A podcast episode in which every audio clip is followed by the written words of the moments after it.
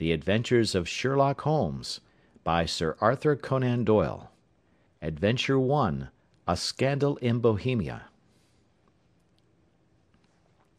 To Sherlock Holmes she is always the woman. I have seldom heard him mention her under any other name.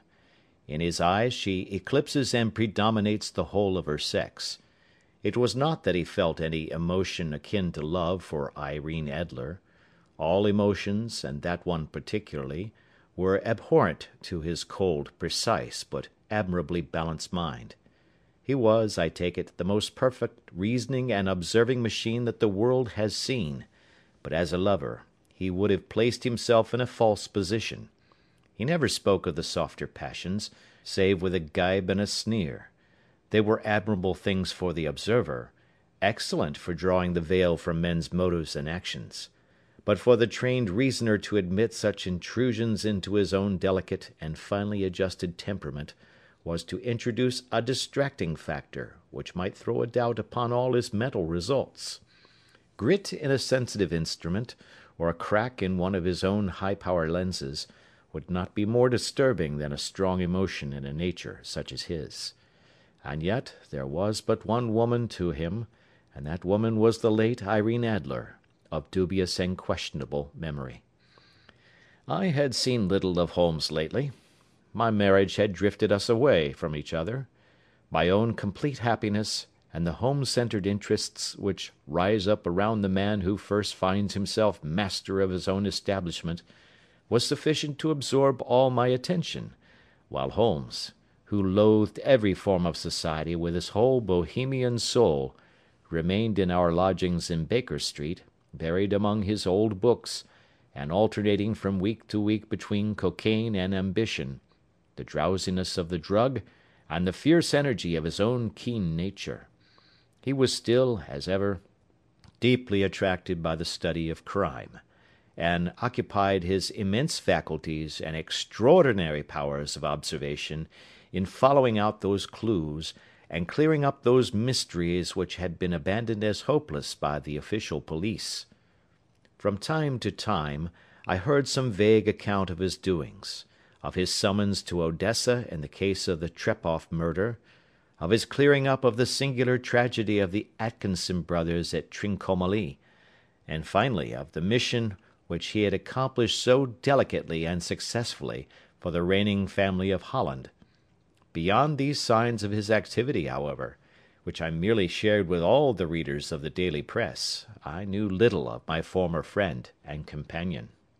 One night it was on the 20th of March, 1888 I was returning from a journey to a patient, for I had now returned to civil practice, when my way led me through Baker Street.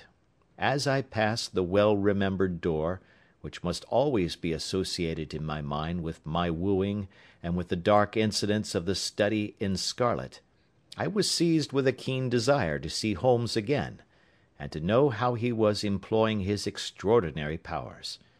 His rooms were brilliantly lit, and even as I looked up, I saw his tall, spare figure pass twice in a dark silhouette against the blind.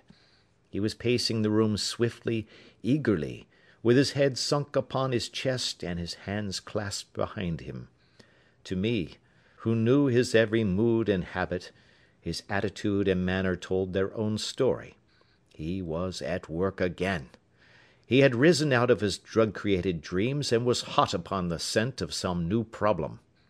I rang the bell, and was shown up to the chamber which had formerly been in part my own. His manner was not effusive, it seldom was, but he was glad, I think, to see me. With hardly a word spoken, but with a kindly eye, he waved me to an armchair, threw across his case of cigars, and indicated a spirit case and a gasogene in the corner.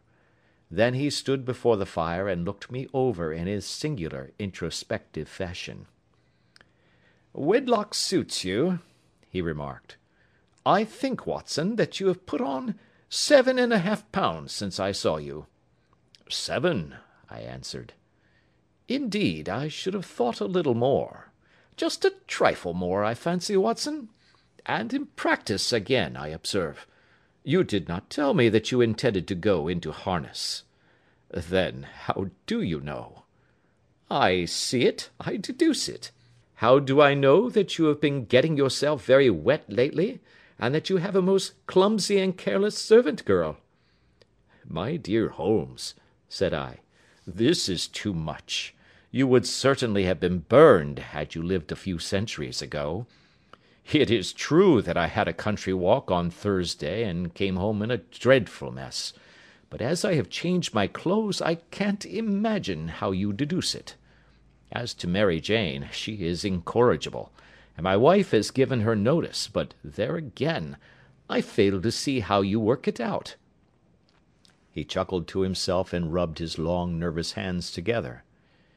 It is simplicity itself, said he. My eyes tell me that on the inside of your left shoe, just where the firelight strikes it, the leather is scored by six almost parallel cuts. Obviously they have been caused by someone who has very carelessly scraped round the edges of the sole in order to remove crusted mud from it.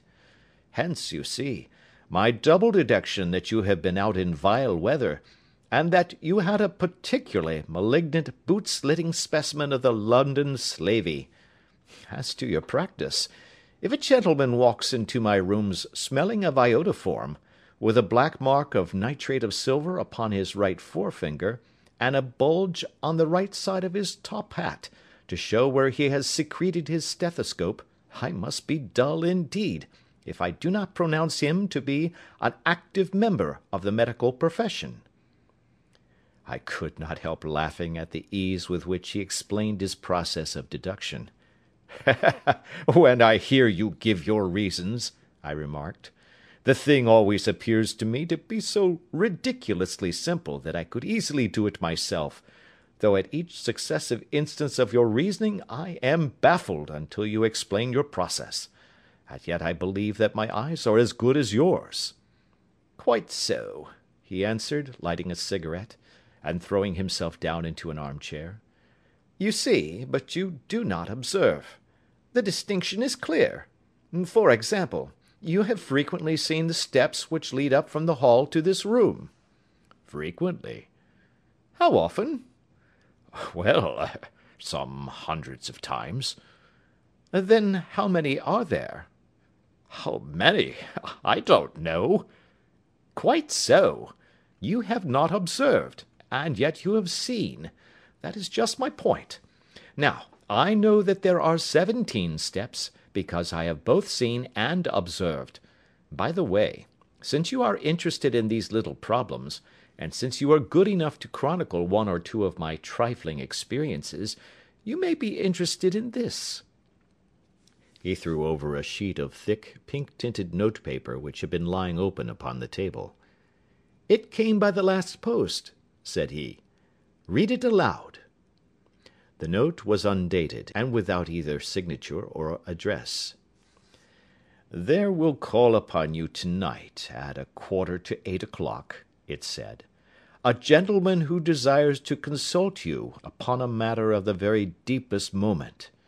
Your recent services to one of the royal houses of Europe have shown that you are one who may safely be trusted with matters which are of an importance which can hardly be exaggerated.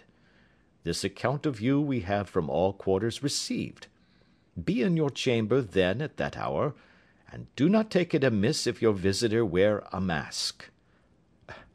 This is indeed a mystery, I remarked.